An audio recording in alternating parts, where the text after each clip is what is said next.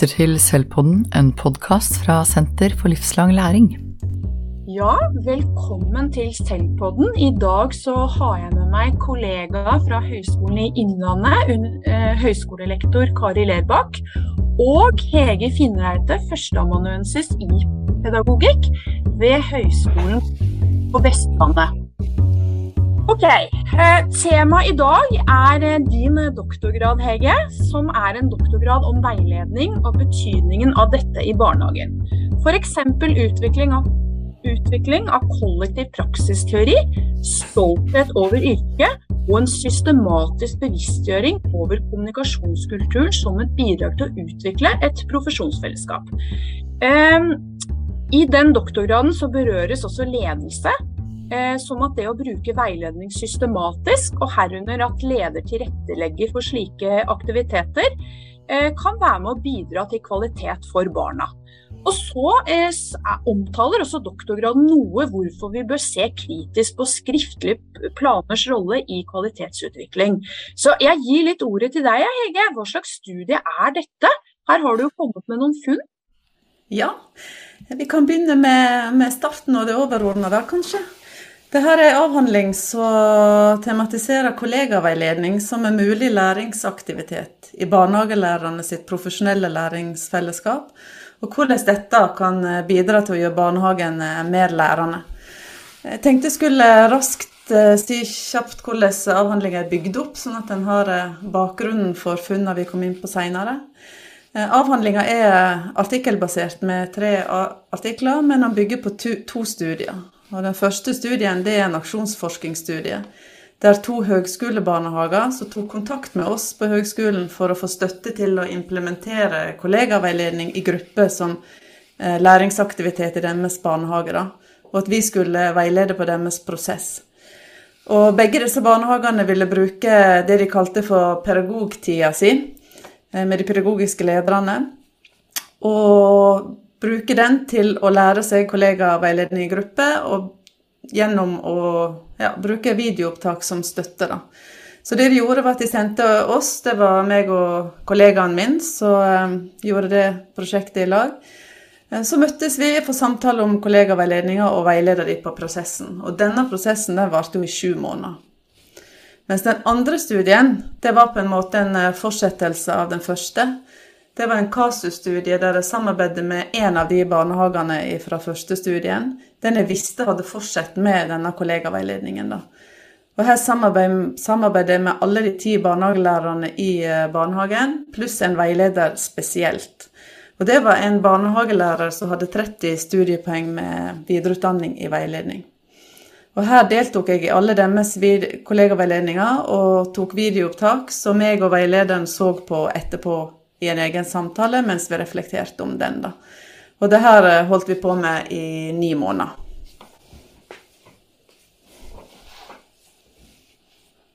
Ja, og så vet jeg at uh, du er veldig opptatt av dette med barnehagelærernes autonomi og stolthet over ikke. Kan ikke du si litt om det? Dette med å utfordre en sutrekultur har du omtalt, uh, Hege? Ja, jeg har tøffa meg litt der, da. Eh, jeg mener kanskje at barnehagelæreren blir litt for hva skal jeg si snille eh, og legger vekk det faglige, er mitt eh, inntrykk.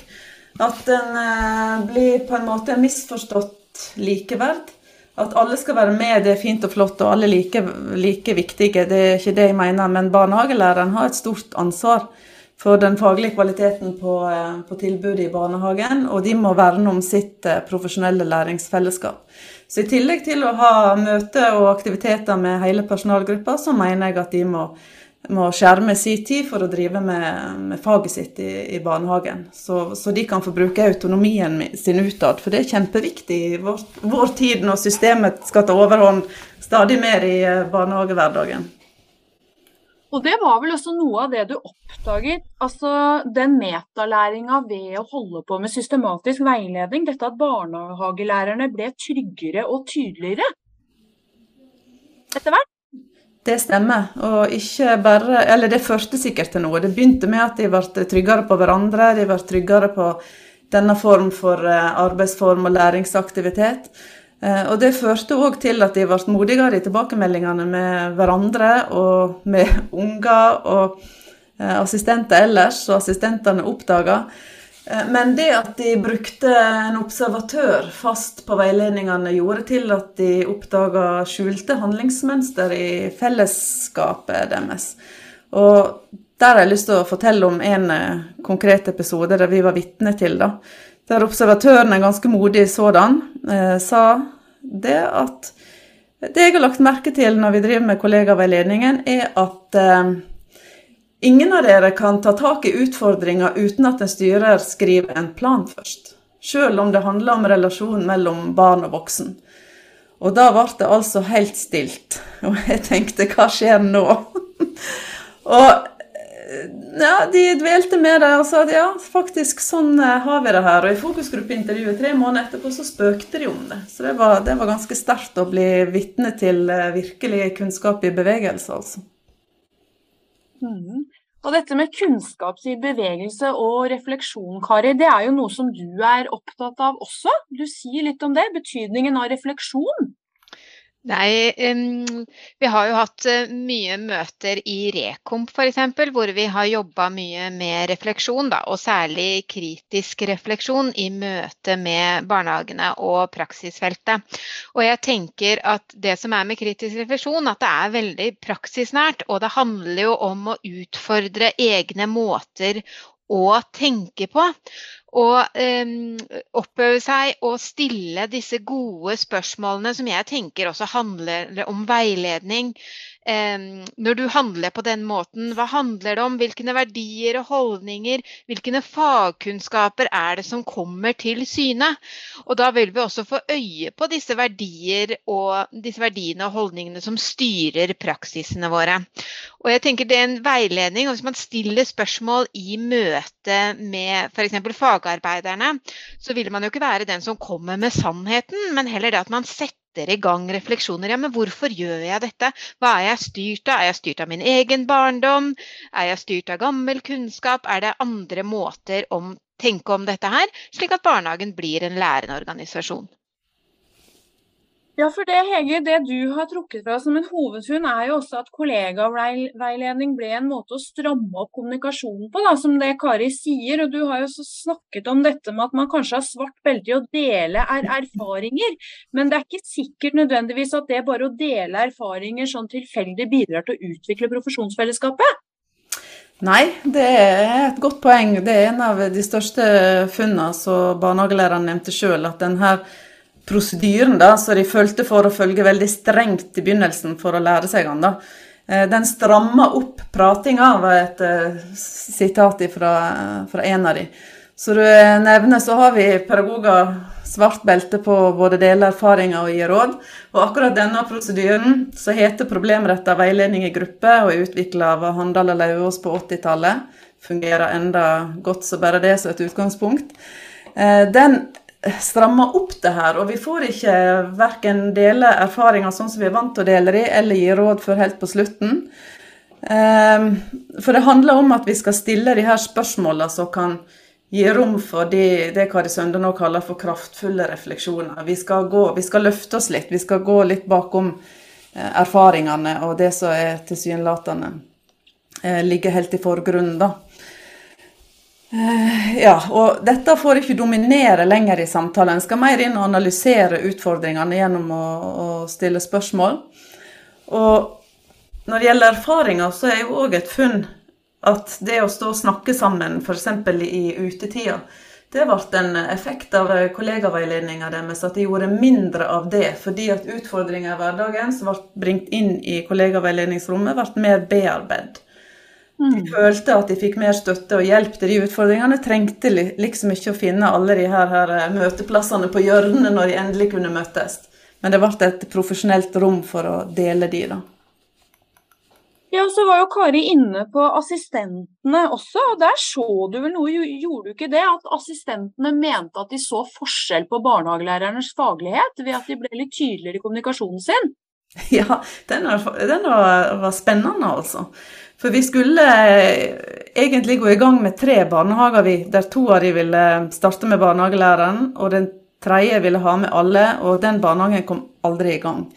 Mens de som starta med barnehagelærerne, eh, etter hvert som månedene gikk, så begynte assistentene å si at dette vil vi være med på, for vi ser at eh, dere forandrer i måten dere snakker med hverandre, med oss på, og med ungene. Og her trakk de fram denne her, eh, bruk av stillhet, f.eks.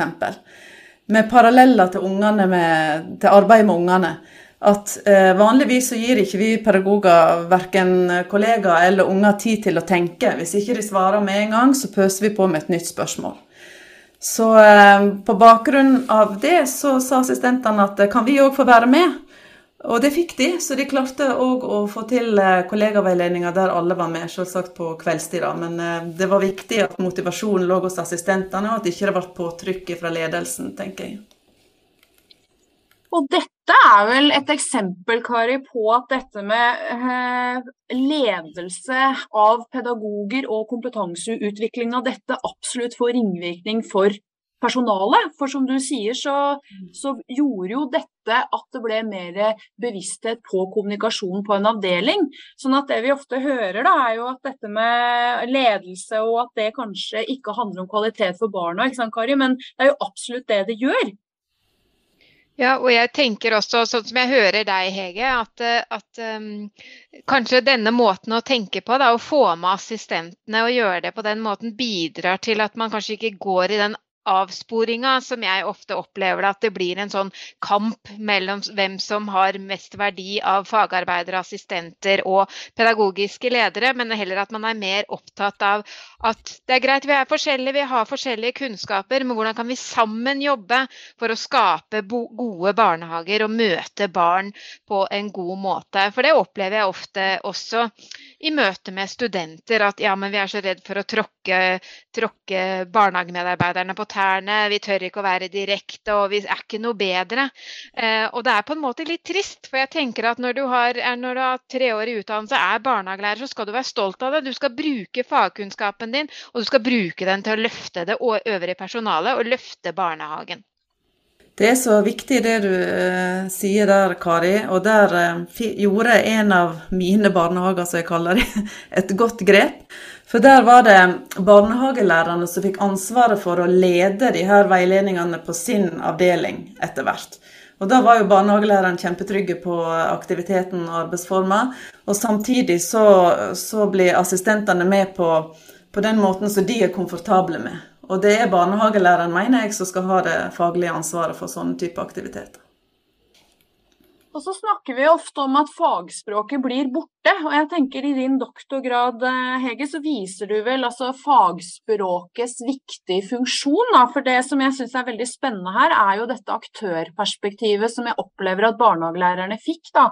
Eh, det blir et læringsfellesskap som kan ta, ta tak i politiske føringer, og ikke bare bli et offer. Jeg tenker Du har jo faktisk eh, satt i gang noe som, som på sikt gir et sånt empowerment-perspektiv. Et sånt ikke å være en, en, en, brikke, men en aktør. og Det syns jeg er kjempespennende. Og at veiledning bidrar til det. Ja, det, det, stemmer. Det kom mye fram i siste artikkelen, som er en veldig spennende artikkel. Men det begynte på begynnelsen, egentlig. Eh, I første studien og det som står omtalt i artikkel 1 med at eh, pedagogene fant seg Det var ganske sterkt, det sa de sjøl. Vi fant oss sjøl som et faglig fellesskap. Eh, og på den måten snakka de. De brukte fagspråket sitt mer.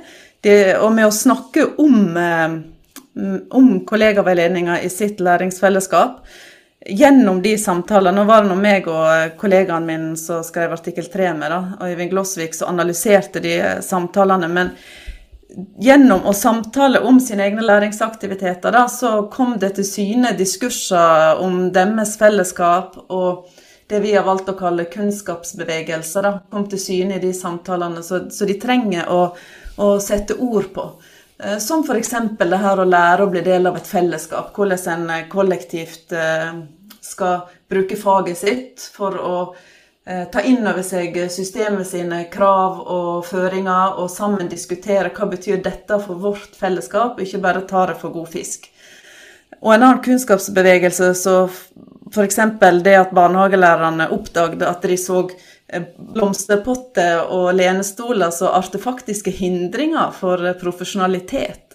At er, er, det der vi skal legge profesjonaliteten vår, eller er det OK med potteplanter og, og lenestoler? Og så er det, det fagligheten gjennom bruk av fagspråk f.eks. som bærer vår profesjonalitet. Og eh, det siste kunnskapsbevegelsen som jeg er veldig opptatt av, som du har skjønt, Alona. Eh, det her bevegelsen mellom hverdagsverden i barnehagen og systemer rundt. Og det er akkurat her barnehagelæreren blir så viktig, for det er de som skal stå imot det her systemkravene som ikke er formålstjenlige og faglig forsvarlig for ungene våre i barnehagen. Og da trenger de læringsaktiviteter som støtter de akkurat dette. Ja, for Det som er litt interessant i forhold til dette å tre fram faglig, er jo det du var inne på så litt i starten, med at uh, liksom en forventning om at styreren skulle lage en skriftlig plan før du fikk gjort noe. og Det er jo også spennende, Kari, dette her med styrerollen da, i dette. Kan ikke du si litt sånn mer om hvordan, de, hvordan det ble noen kunnskapsbevegelser i det synet? Den, den eh, kunnskapsbevegelsen var jo ganske fin, da. Det, det ble jo til en humoristisk eh, sak eh, etter hvert. Men det viste jo at eh, verdien av ledelsen og styren her, da selv om min avhandling primært handler om fellesskapet mellom barnehagelærerne, så trer det fram nå at ledelsen altså En kommer ikke unna hvor, hvor viktig lederen er. For styreren må først og fremst legge til rette for det her. Sørge for at den ikke blir prioritert, og at den blir sett, av tid, altså over tid. Det må bli en integrert aktivitet i hverdagen, og ikke noe som bare gjør når vi får tid til det, for det får vi jo alltid. Så styreren har en kjempeviktig jobb med å framsnakke verdien av eh, sånne typer læringsaktiviteter, for nå er jo kollegaveiledning i gruppe en av mange mulige. Og så må man òg sikre at barnehagene har en nødvendig veiledningskompetanse. Eh, så er et krav, vet jeg, for mange høgskoler til barnehagelærerne for å kunne være praksislærere, så de skal ha det i barnehagen. Og så et viktig grep som styreren gjør, for den er jo bare én person, var å gi mandatet for å drive med denne type veiledning i barnehagen til en eh, faglig veileder, som jeg kaller han. Og det er den som har 30 studiepoeng med veiledning. For det er mange som har spurt meg om, om hvor mye ekstramidler disse barnehagene fikk. Og da må jo jeg alltid skuffe folk, for de har jo ikke fått noe ekstra. Eh, de har eh, sett på sin hverdag, sin møtepraksis, hva er det vi kan gjøre om på det her. Og de har satt systematikken i det, har hatt det jevnlig, en gang i måneden. Og så har de fjerna en del av det praktiske som ellers kan takes underveis i en, en barnehagehverdag. For det de sjøl har sagt, at det er ofte det, fag, nei, det praktiske som får forrang for det faglige på, på møtet. Det liksom må vi få unna. Ja. Ja, jeg tenker du sier uh, skuffe, men jeg tenker Kari, vi kan jo da kanskje glede også med at dette har barnehagene fått inn i hverdagspraksisen. For noe som vi jobber med mye i Rekom sammen, Kari, det er jo styreren sin rolle. Mm. Eh, du sier litt om det, og jeg tenkte på spesielt det som eh, Hege sier, det å sette av tid over tid. Ja, Det tenker jeg er veldig viktig, og det er jo også noe vi prater om i møte med studentene, og selvfølgelig også Rekomp. Fordi har vi ikke tid? Altså, Hva handler det om? Eh, at vi tenker at vi ikke har tid. Hvorfor er det så viktigere å prioritere det praktiske. Da. Og um, når man begynner å se på det, så tror jeg det er mange som opplever at de faktisk har ganske mye tid. Og det handler om prioriteringer, og det handler om å snu litt på arbeidsmåter. Er det mulig å bare sende ut et skriv til alle avdelingene og mer sånne praktiske ting? Og så kan vi heller bruke møter eh, til faglig utvikling og veiledning og, og, sette fokus på det.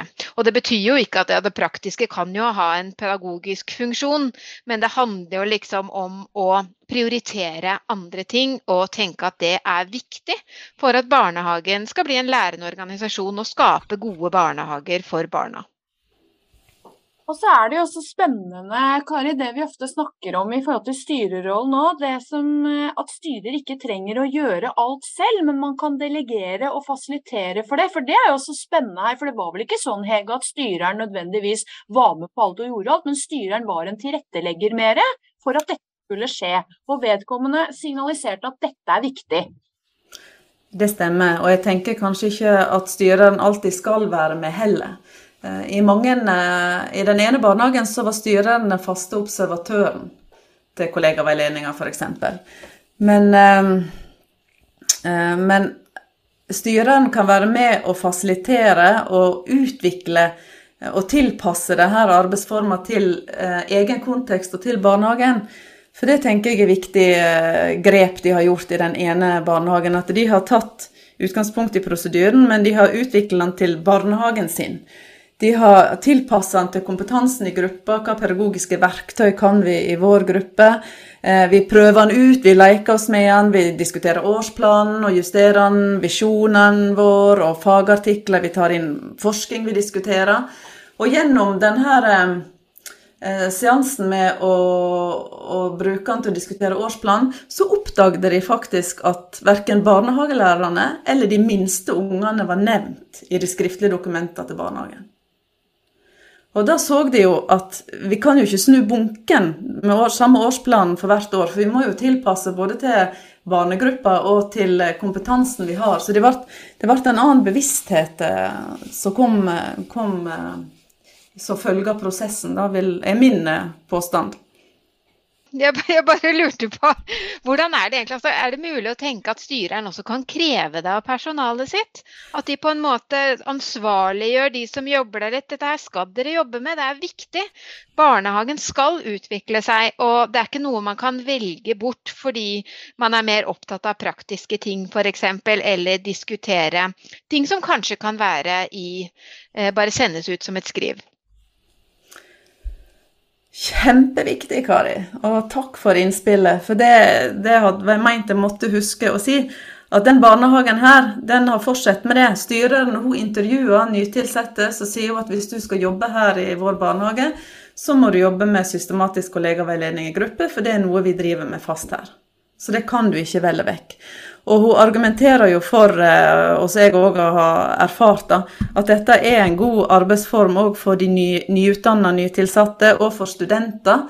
Både med at de får delt erfaringer og reflektert sammen med, med erfarne barnehagelærere, men at de får sett og opplevd at sjøl de mest garva har utfordringer i hverdagen, og de kan være med og hjelpe. Så det var ganske fint å være vitne til eh, den siste studien, for der var det en eh, nytilsatt, nyutdanna 24-åring som var med på, på, det her. Og hva det styrker dem. Så det er noe med å ikke bare sette det i system, men å, å jobbe for det med faglig argumentering om at dette driver vi med, vi kan ikke velge det vekk. Det er sånn vi jobber her. Ja, for Det som jeg også syns er litt spennende, eh, er jo dette med profesjonsfellesskapet i barnehage og strukturer for det. For det som også du sier, eh, var jo dette at de ofte brukte en observatør. Eh, og den observatøren kunne også stille spørsmål, Hege, om hvorfor noen alltid velges i veiledning, og hvorfor noen aldri velges. Ja, og da og da òg ble de ganske stille, når den observatøren eh, spurte om det, eller kom med den refleksjonen, da. Og når de fikk tenkt seg om og diskuterte, så fant de ut, og de måtte jo begynne å analysere, hvorfor er det sånn at den personen ble som oftest valgt. Sant? Det var noe med måten hun formulerte seg på, og at de så opp til hun faglig. For hun hadde tatt mange videreutdanninger, og hun var liksom i fronten eh, faglig, da. Og det var nå for så vidt greit, men det utfordrer jo eh, veilederen og det utfordrer styreren med hvordan skal vi organisere det sånn at eh, flere kom, eh, fikk eh, ta opp sine utfordringer. da. Og i studie to så hadde de tenkt grundig på det, for da setter de jo inn istedenfor en ordstyrer på omgang, som prosedyren legger opp til, så bestemte de seg for å ha én fast eh, veileder som styrte det her. Og det som var fint med det, da, at hun utfordra barnehagelærerne til neste gang skal du ha med en eh, utfordring som er relatert til, til de profesjonsroller. For det vi så i begynnelsen av, eh, av bruken av den læringsaktiviteten, var at de ofte tok opp problemstillinger som var relatert til de andre. Enten var det noe vanskelig relasjon til barn, eller til foreldre, eller til eh, kollegaer. Mens etter hvert så gikk de mer over til å å diskutere sin profesjonsrolle i møte med andre. og Det var veldig fint å se.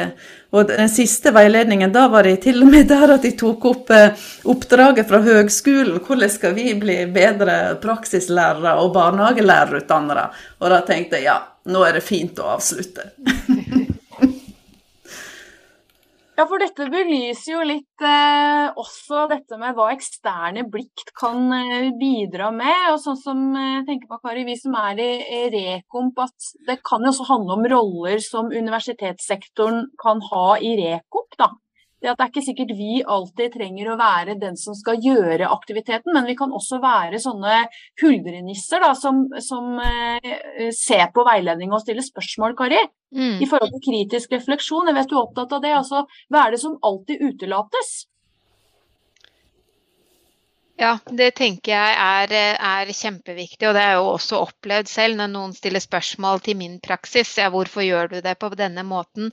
For det setter i gang noe annet. Du får et annet blikk på egen praksis som skal, kan skape veldig god refleksjon og bidra til egen endring og utvikling. For man blir jo litt sånn blind på sitt eget, da, hvis man skal gå i diskursbegrepet f.eks. At man bare gjør det samme, samme, hele tiden, og så ser man ikke noen andre alternativer. Og så kommer det noen andre inn og ser noe helt annet og stiller noen relevante spørsmål som får deg til å tenke selv, da. Og det handler jo om å utvikle egen profesjonsutøvelse. Så jeg tenker at det er kjempeviktig. Men det krever jo også litt. Man må jo tåle at noen eh, ser på deg med et kritisk blikk og, og kunne våge å ta imot det på en konstruktiv måte. Absolutt. Og der har jo vi eh, eksterne eh, en, en god inngang med å være støttespillere til, til, deres aktivitet, tenker jeg. For det var sånn eh, meg og kollegaen min fungerte i, i første studien. Vi var inne og skulle veilede dem. De skulle ha eierskap til det her, og vi skulle stille de her gode spørsmålene. Og det, det, fungerte ganske fint. Det, vi, et, eh, vi, stiller andre spørsmål, vi, vi, har et eksternt blikk, og vi kan stille helt åpne spørsmål, for vi vet verken de skjulte eller de åpne kodene der. Så det blir liksom en, et helt ærlig eh, samarbeid, da. Eh, og, og, det diskuterte de mye når, når, vi nå må la dere gå. Hvordan skal vi få til det her eksterne blikket når det bare er oss i barnehagen? Og Den ene barnehagen valgte jo å, eller valgte styreren å legge mandatet på den veilederen som hadde veiledningskompetanse, da, eh, der hun var innom og veilede alle avdelingene, og på en måte så ble det et sånt internt, eksternt blikk. For avdelingen, Når barnehagen er ganske stor, så er avdelingene såpass forskjellige at de går ikke så mye med hverandre i hverdagen. Så da kan det sjøl internt få noen gode eksterne eh, ordninger. En, I hvert fall kvasi-eksterne. Og det vi så når de sendte oss opptak Altså, nå må vi legge ned Vi la ned lista for opptak. Var, de kunne bruke iPad, de kunne bruke telefon. Altså, du må legge ned det tekniske, så ikke det blir noen sånne barrierer. Så, ja. Og det ble sine utfordringer, selvsagt. Og på den ene lille tekniske utfordringen der vi fikk ti sekunder opptak med ingen lyd, den fikk stor verdi. For i temaet for neste refleksjonssamtale felles med oss, det ble jo kroppsspråk. Ja, for jeg tenker jo at Det som jeg syns er veldig bra med din doktorgrad, er jo at den viser at dette er eh, realiserbart i en hverdag. Og så er det for så vidt, eh, Hege, det er jo egentlig ganske enkle prinsipper, altså dette med samtaler og alt, men poenget her ikke sant, Kari, er at dette settes i system over tid. Og det er da det først får en effekt, da. Eh, for jeg tenker bare på dette med Handal og, og Lauvås som en struktur. Det er jo egentlig ment mer som en idéhege og ikke som en bibel. Men den har jo en veldig god struktur med dette med at den er veldig bevisst på at vi ikke skal gi råd. Og det tenker jeg, Kari, det har vel en stor verdi som styrer og, og pedagogisk leder, at du ikke skal gi råd hele tiden jeg ser jo selv hvor lett det er å komme med den som Eller hvor lett det er å være den som gir råd. Og jeg tror også at før man kanskje kommer litt i gang i det, så ligger det en forventning om at man skal komme med råd også. Så det handler jo om å ta seg tid til å finne ut og kanskje hva dette er, hva veiledning er, og også det å metakommunisere om det. Eh, at hva er min rolle, hva er din rolle? Eh, sånn at man, eh, man kan bidra til at den andre klarer å finne veien mer selv, da. Jeg vet ikke hva du tenker om det, Hege? Om dine erfaringer rundt det? Jo, eh, jeg tenker, og vi har jobba en del med det her med, med, råd.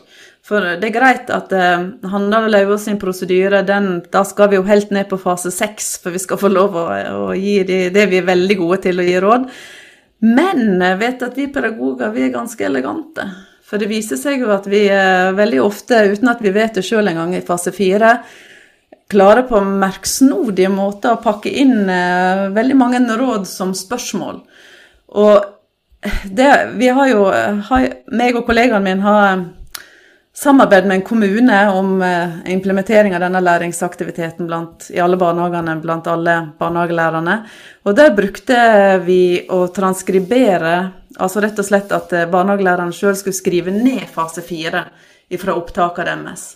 Og da så de alle de innpakka rådene. For det blir noe når det er svart-hvitt. Det, det, blir så tydelig når det kommer på skrift. Så det òg er et uh, godt grep, altså. For akkurat de her råda, rådene, vi er så gode på å pakke det inn at vi, vi får ikke det med oss sjøl.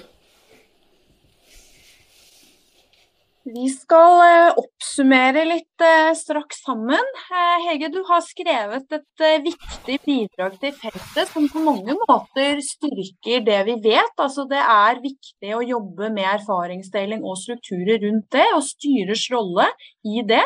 Og holde fast på ting over tid. Hva vil du trekke fram som det liksom mest som høydepunktfunnet ditt, hvis vi kan bruke det? Som du tenker at oi, det var det var viktig. Det er autonomien til barnehagelærerne. At de sier at de finner seg sjøl som et læringsfellesskap. Det var sterkt, syns jeg. Og hvor viktig det er i forhold til systemet sine Altså, et av de store funnene var jo systemet sitt press på, på hverdagslivet. Og hvordan barnehagelærerne kan være, kan være motstand til det, da. Og i hvert fall, Selvfølgelig skal vi ta inn over systemet, men ikke mer enn det som er faglig forsvarlig. Og hvem har fagkunnskapen? Det er jo barnehagelærerne. Kari, hva slags betydning tenker du at denne doktorgraden kan ha for våre studenter og samarbeidspartnere i eh, Rekop? Eh, jeg tenker jo at den setter eh, fingeren på mange ting, da.